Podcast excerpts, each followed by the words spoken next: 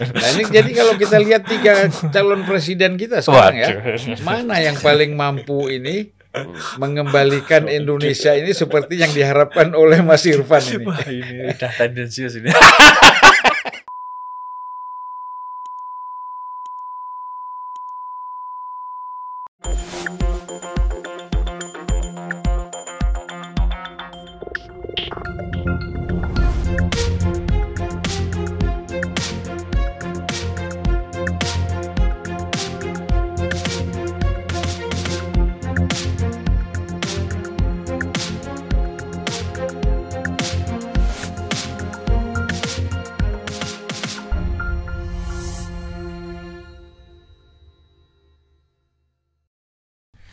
Bagaimana Mas Musa melihat? Tadi kan udah dijelaskan ya Hmm. bahwa begitu persoalan eh, Arab dan Jawa, Islam itu kan nggak ada sebet secara internal kita kan nggak ada masalah. Ya. Ya. Ini kan hanya kemudian dirumuskan, diklasifikasikan oleh para pemikir-pemikir Barat yang kita sebut dengan orientalis, Ya. sehingga dia menjadi terbelah-belah Ya. Betul. dan sehingga dan yang sangat parahnya. Masyarakat kita yang menjadi objek Hmm. kemudian merasakan bahwa ini benar ini pendapat yang salah ini. Nah, bagaimana Mas Musa? Iya, saya tertarik sekali dengan narasi. Jadi ceritanya ini, Hmm. Bang Zulfan, Ya. kenapa kita bertemu hari ini? Karena kan saya ini punya concern cukup lama dan Hmm. sudah ada buku yang saya lahirkan yaitu tentang ilusi identitas Arab. Hmm. Bagaimana orang yang setelah beratus-ratus tahun di Indonesia yang dengan wajah tertentu Hmm. masih menganggap bahwa dirinya itu tidak tidak mengakar di negeri ini. Hmm. Dia masih punya nostalgia tentang sesuatu yang sebetulnya sudah tidak ada. Hmm. Nah ternyata pengalaman ini, yang pengalaman yang saya rasakan dialami oleh adik saya yang jauh lebih eh, serius dalam eh, mengkaji. Ketika dia menemukan juga, loh ini saya ini Jawa sekaligus Islam. Hmm. Kok ada upaya kesarjanaan untuk membuat identitas saya ini berbenturan antara keislaman saya dengan kejawaan saya. Akhirnya dia meriset Iya. serius. Begitu juga dengan apa yang saya alami. Nah, jadi sayangnya saya tidak bertemu dengan dia, padahal dia ternyata menulis lebih dulu. Nah, perasaan yang saya alami itu begitu, Bang Sulfan. Saya ini orang Indonesia, makan minum di Indonesia, bercengkrama dengan Indonesia, berinteraksi dengan Indonesia, bahkan cita-cita dan berpikir Indonesia.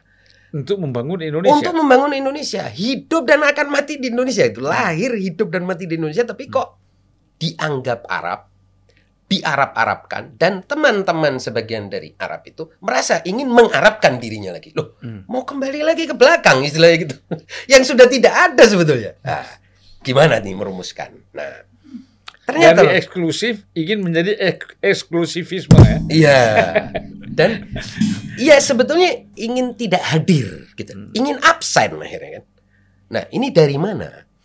Kalau kita lihat historis Bang Sulfan, ini awalnya adalah sama seperti tadi yang sudah dikatakan kalau eh, pemisahan antara Jawa dan Islam itu dilakukan melalui apa yang disebut sebagai Javanologi Hmm. dan pastinya ada kebijakan-kebijakan kolonial yang menyebabkan akhirnya terpisahnya golongan-golongan Muslim Jawa, Hmm.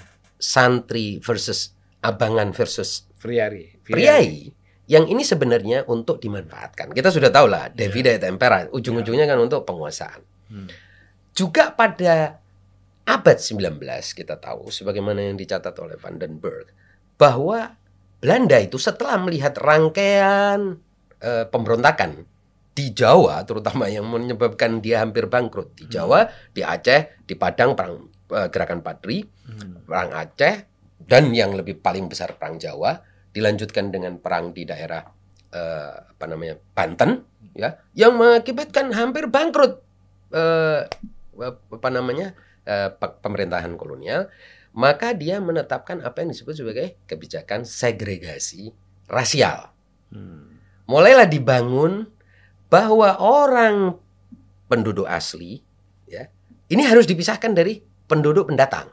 Hmm. Penduduk pendatang pun dipisahkan dalam kategori Arab, Chinese, Hmm. India di satu nomenklatur, di atasnya ada Belanda, eh maaf, Jepang, di atasnya lagi ada Belanda. ini harus terpisah dalam kampung-kampung yang berbeda dengan mereka yang disebut sebagai Pribumi. pribumi. Iya. Dalam rangka memisahkan keislaman ini di, di diredefinisi gitu loh.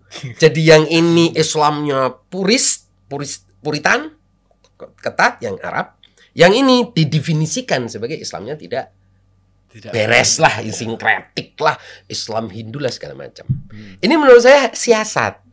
Nah sayangnya seribu sayang adalah yang menjadi korban ini mengakui dan menerima itu sebagai kebenaran. Hmm. Siasat kolonial yang sangat destruktif itu tadi terhadap tapestri atau Hmm. jahitan dan tenun kebangsaan sudah ada prakolonial itu Hmm.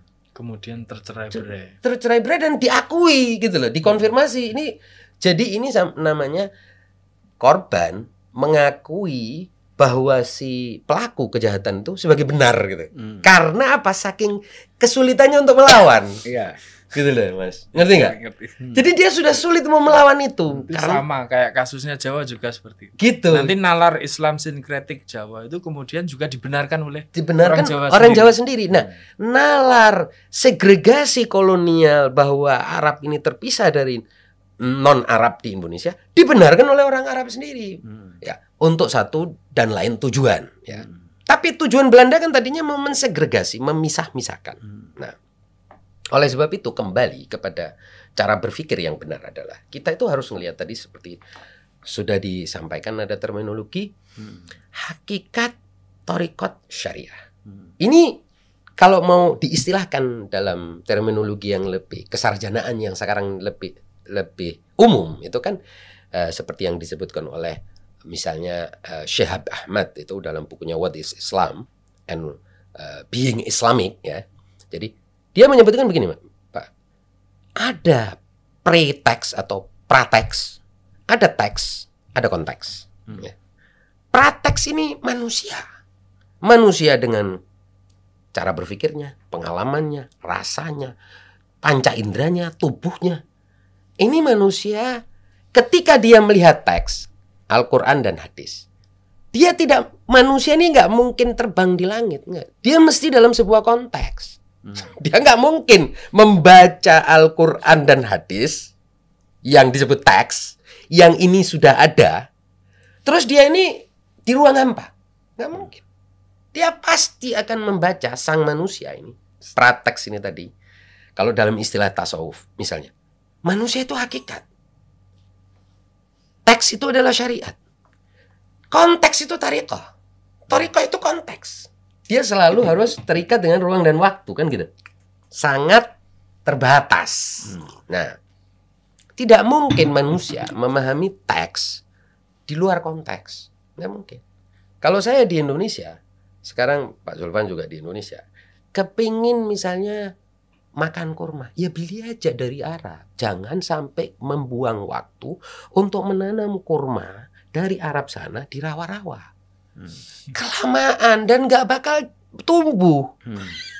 Jadi kita nggak perlu ngabisin waktu untuk sesuatu yang nggak ada gitu loh. Wong tanahnya nggak menerima itu. Dan ngapain buang waktu? Nah kita ingin mengatakan bahwa manusia itu harus sadar konteks. Di mana dia berada? Tanah ini tidak mungkin akan bisa dia ubah. Seperti dia tidak mungkin mengubah dengan cara apa pun, mau doa seperti apa pun untuk supaya matahari itu terbit dari barat dan tenggelam di timur. Nggak bisa. Ya wis diterima aja lah. Nah, penerimaan ini ternyata tidak terjadi. Padahal ini akibat dari segregasi dan kebijakan kolonial.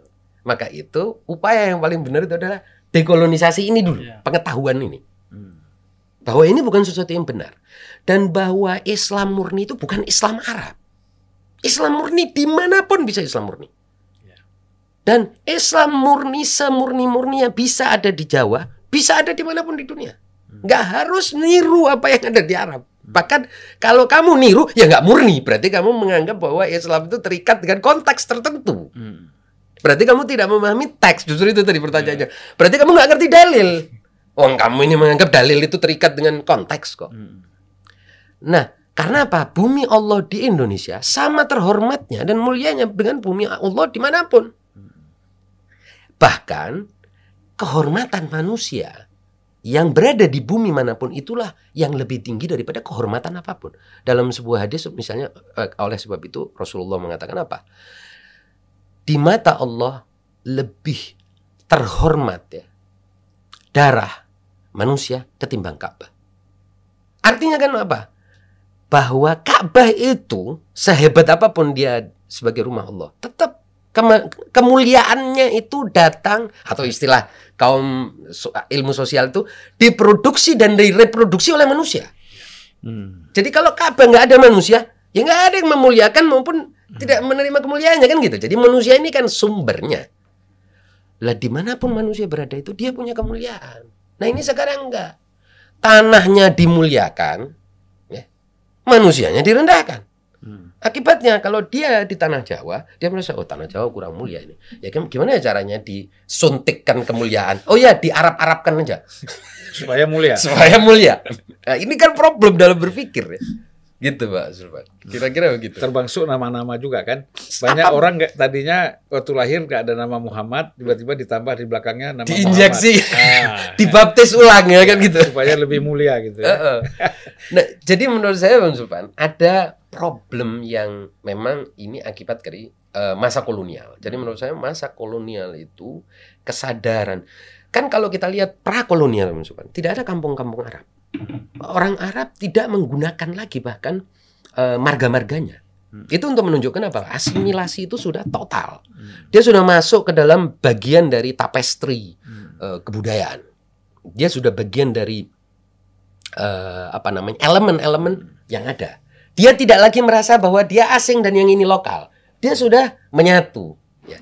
Nah, kemudian Belanda memisahkan. Nah, ketika memisahkan memang kemudian dan itu agenda ya.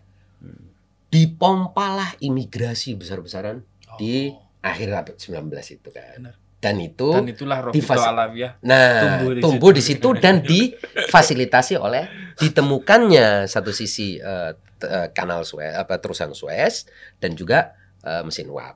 Sehingga inilah yang kemudian menyebabkan ada proses arabisasi terhadap muslim yang sebelumnya tidak ada. Hmm. Dan ada maaf ini istilah saya pakai dari sini Hinduisasi Jawa. Jadi ditemukanlah kontrasnya.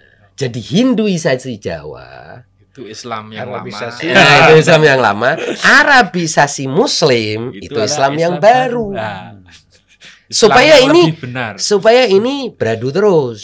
Nah, kalau sudah Muslim ini beradu, otomatis Belanda lebih menikmati. Oke, satu ya. Kemudian pasca kolonial ini belum selesai ternyata. Pasca kolonial baru sebentar Bung Karno mengusulkan apa yang disebut sebagai Nasakom untuk mereorientasi bangsa ini atau katakanlah merekonstruksi bangsa ini. Beliau harus menghadapi konspirasi global karena memang musuh kalau kalau Bung Karno kan nggak pernah takut ya di Indonesia dihadapi, di internasional dihadapi, global dihadapi. Akhirnya dia juga dimainkan dalam sebuah siklus konspirasi sehingga rencana beliau nggak nggak selesai Bang Sulpan. Iya kan? Iya. Masuklah ke rezim Orde Baru. Kembali rezim Orde Baru memanfaatkan kontradiksi-kontradiksi itu. Bahkan dipertahankan menurut saya. Nah, seperti misalnya Polarisasinya. hmm, militer itu dulu didoktrin untuk mengatakan bahwa Muslim itu adalah musuh. Itu ada dalam doktrin militer awal-awal ya, Iya. Nah, ya kan. Sehingga kalau kita lihat bagaimana caranya doktrin militer ini tadi memiliki justifikasi ilmiah, buku-buku Clifford Gates itu tadi meng eh, supply ya mas, Iya. gitu. Dan banyak sekali buku-buku yang mensuplai bahwa memang ternyata struktur mas- masyarakat Jawa itu memang bukan Muslim. Hmm. Ketika mau mere- mereka mau Islam, ya kok nang Arab apa kono? Kan Hmm. gitu. Ke, ke Arab lah sana. Belajar sama orang Arab, diarabkan dulu. Hmm. Maka terjadilah Arabisasi, gitu loh. Dan ini satu pekerjaan berat ya. Heeh. Kalau memang ada keseriusan sebenarnya untuk membangun Indonesia ke depan itu memang harus berangkat sebenarnya dari sini. Iya. Jangan kita teriak-teriak NKRI, Pancasila, ya kan, persatuan dan lain-lain. Sebenarnya akar persoalan nggak kita selesaikan. Ya. Kan akar persoalannya kan di situ. benar. Masyarakat ya, budaya masyarakat. Nah, budaya masyarakat, ya, pemahaman masyarakat yang sudah terpecah belah sejak zaman Nah, kolonial. saya itu ini Bang Zulfan ini pun saya ngekat. Kenapa saya merumuskan buku suluk kebudayaan Indonesia ini?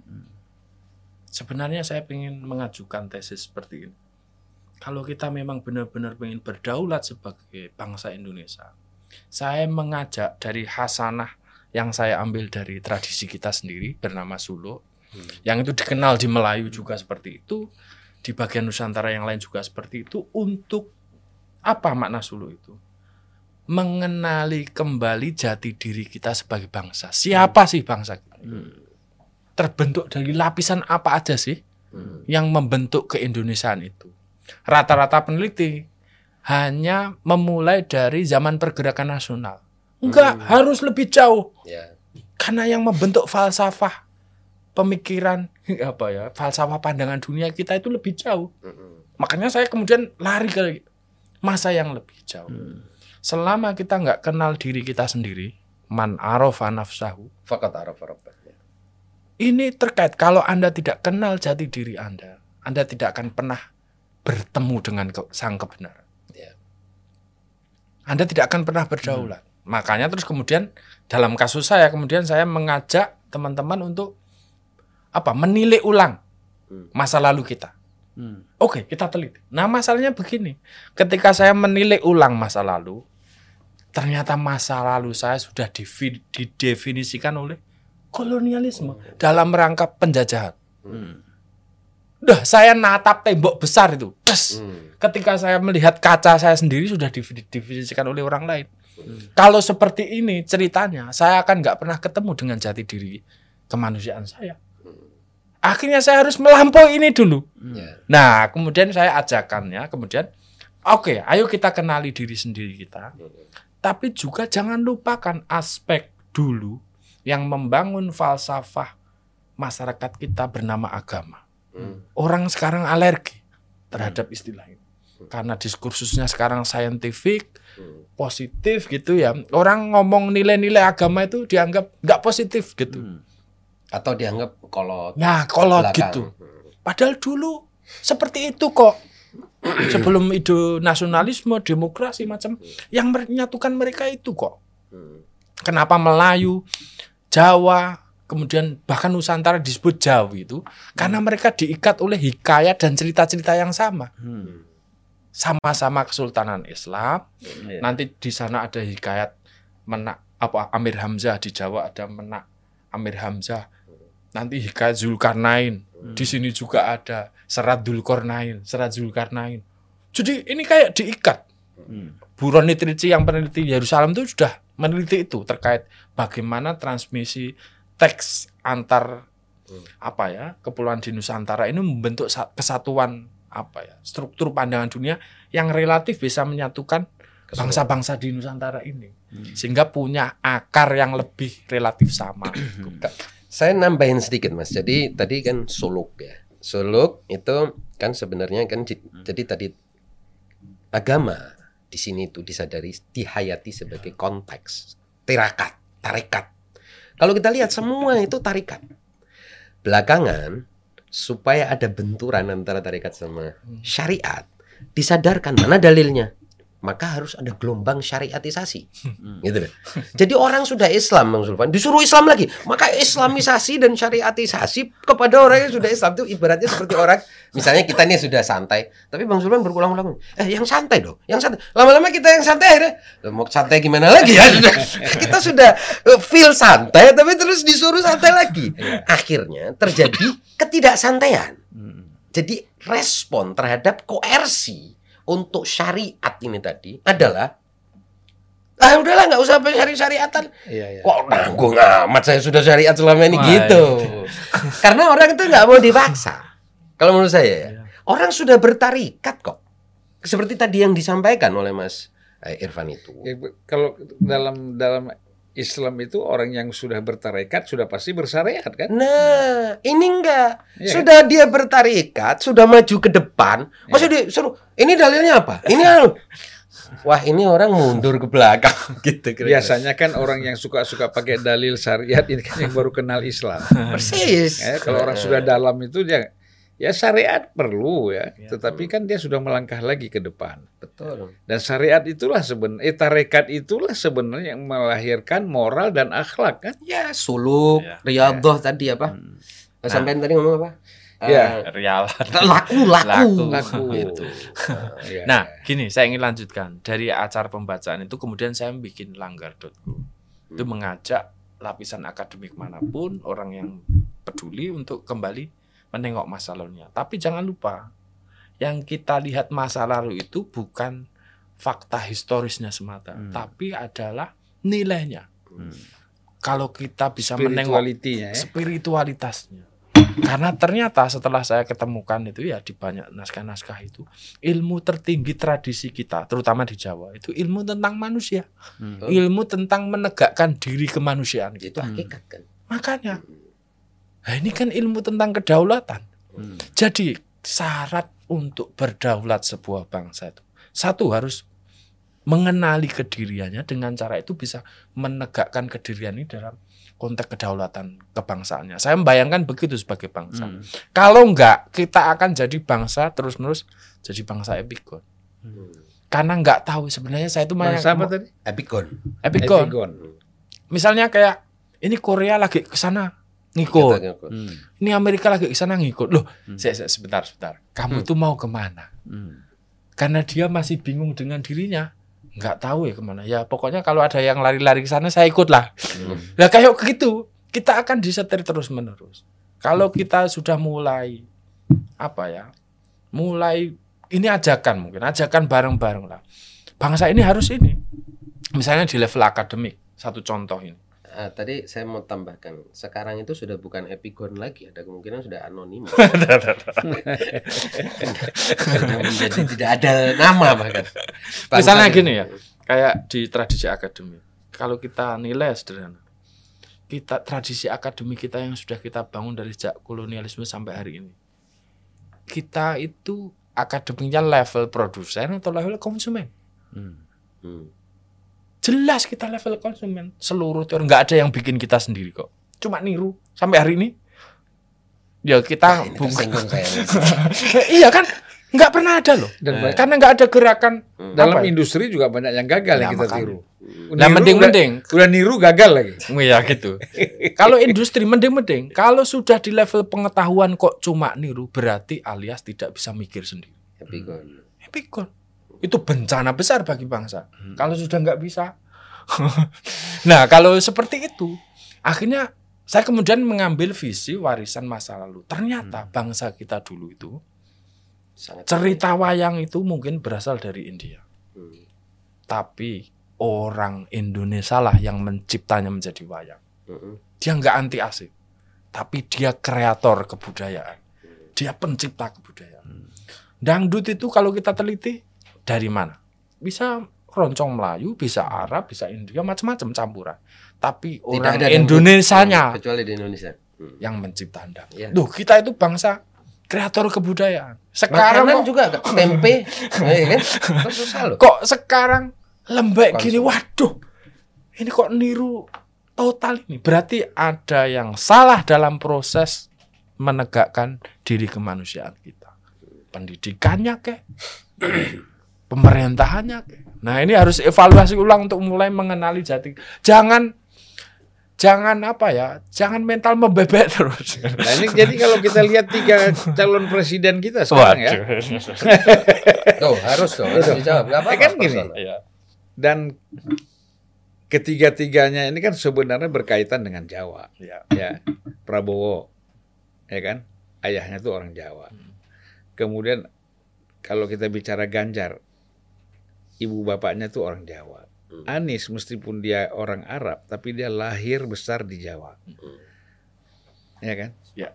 Nah, kalau kita lihat dari sisi ini, mana yang paling mampu ini mengembalikan Indonesia ini seperti yang diharapkan oleh Mas Irfan ini? Wah, ini udah tendensius ini. Kalau di sini harus ngomong politik memang. Diarahkan ya. Enggak, enggak ini penutup perlu. Penutup. Penutup. Kalau memang nanti kita kira bahaya kita hilangkan aja.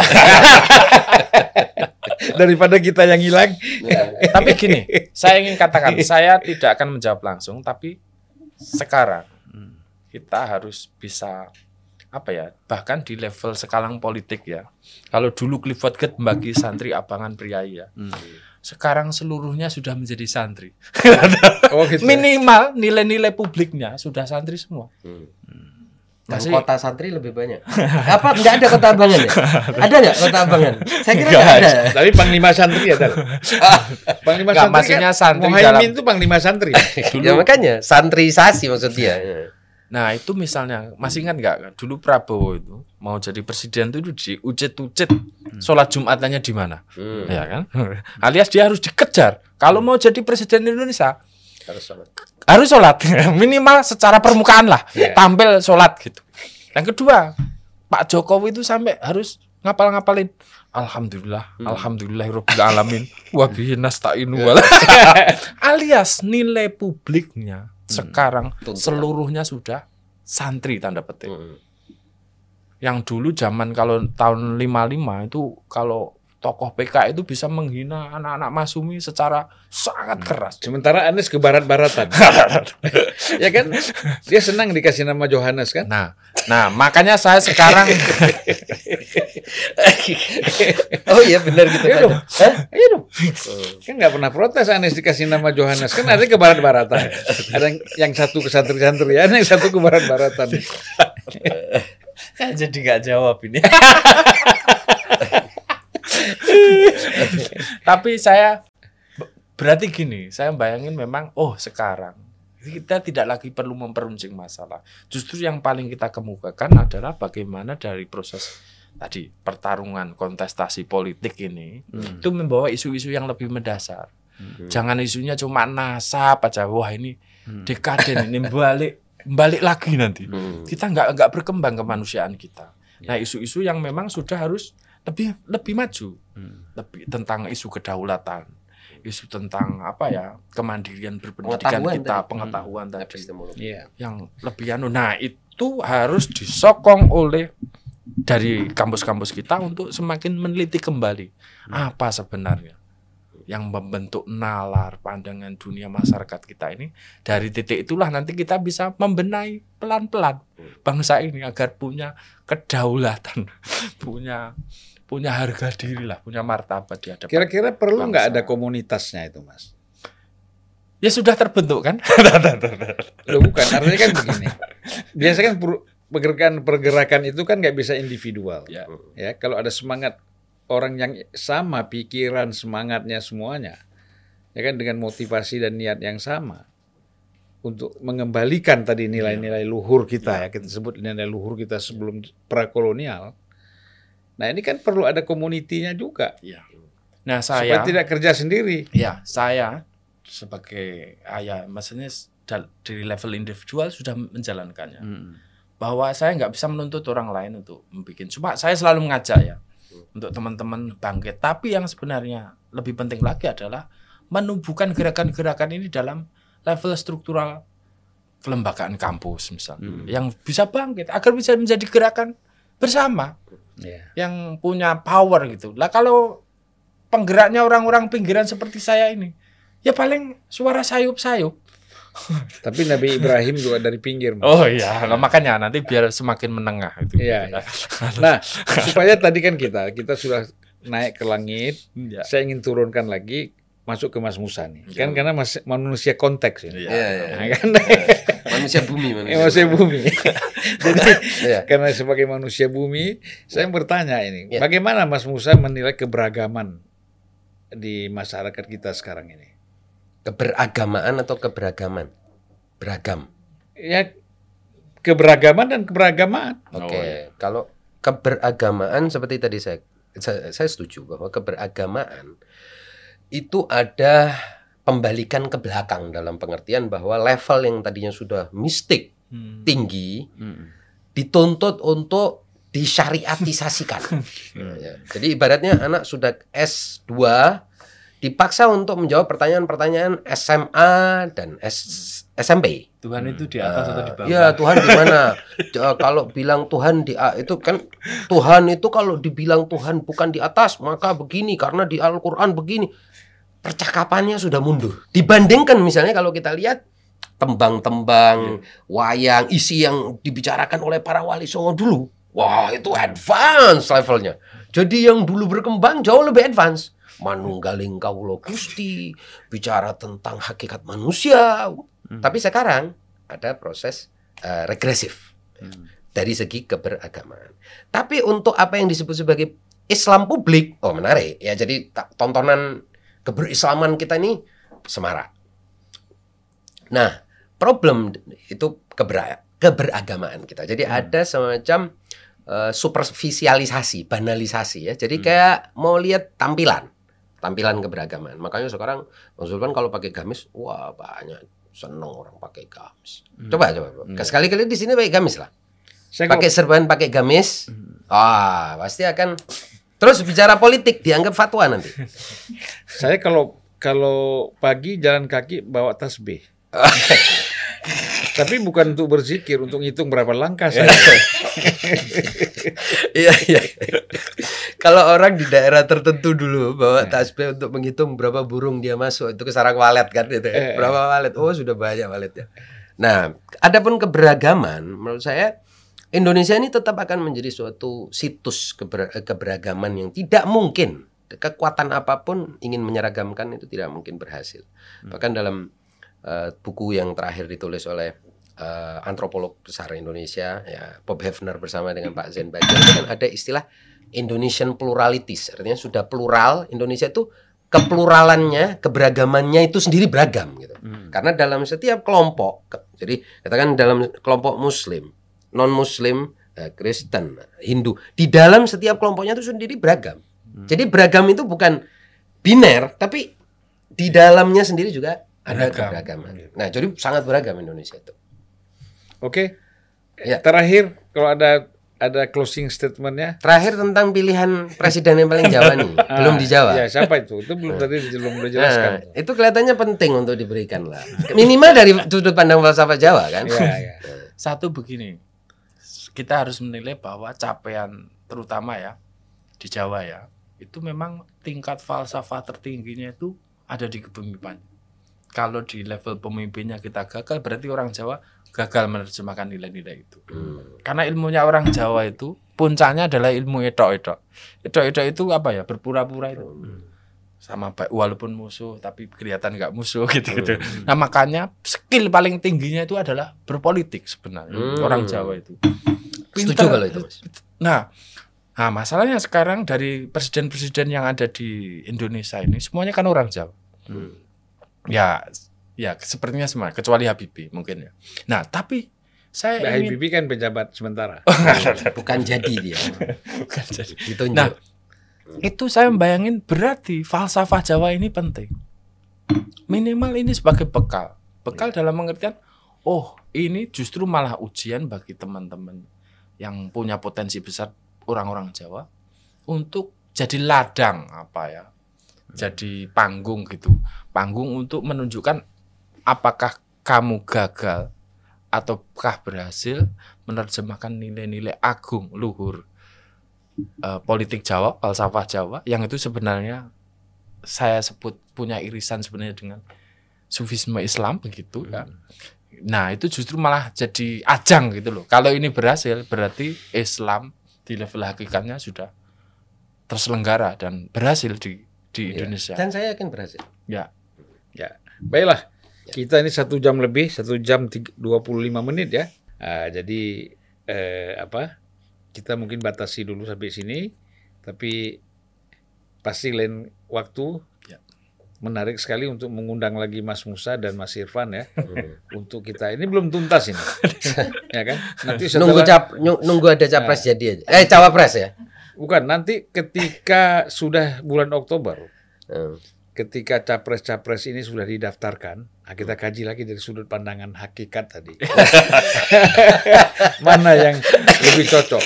Karena kan kita perlu membantu masyarakat, Iya, ya kan? iya, Kalau iya. orang sudah bicara hakikat, Hmm. ya kan? Tadi suluk tadi Hmm. menjadi sufi, nah ini kan berarti bangsa ini akan menjadi lebih apa, lebih baik lah, lebih maju. Bukan maju hanya secara fisik, tapi juga secara mental spiritualnya itu eh, lebih maju lagi. Terima kasih Mas Irfan, Mas Musa Sama-sama. ya atas kehadirannya. Kita sampai jumpa lagi Ya. di waktu yang lain. Ya, Ya, Kalau akan datang nanti ditanya kapan. waktu yang lain kan panjang. Terima kasih. Assalamualaikum warahmatullahi wabarakatuh. Waalaikumsalam warahmatullahi wabarakatuh.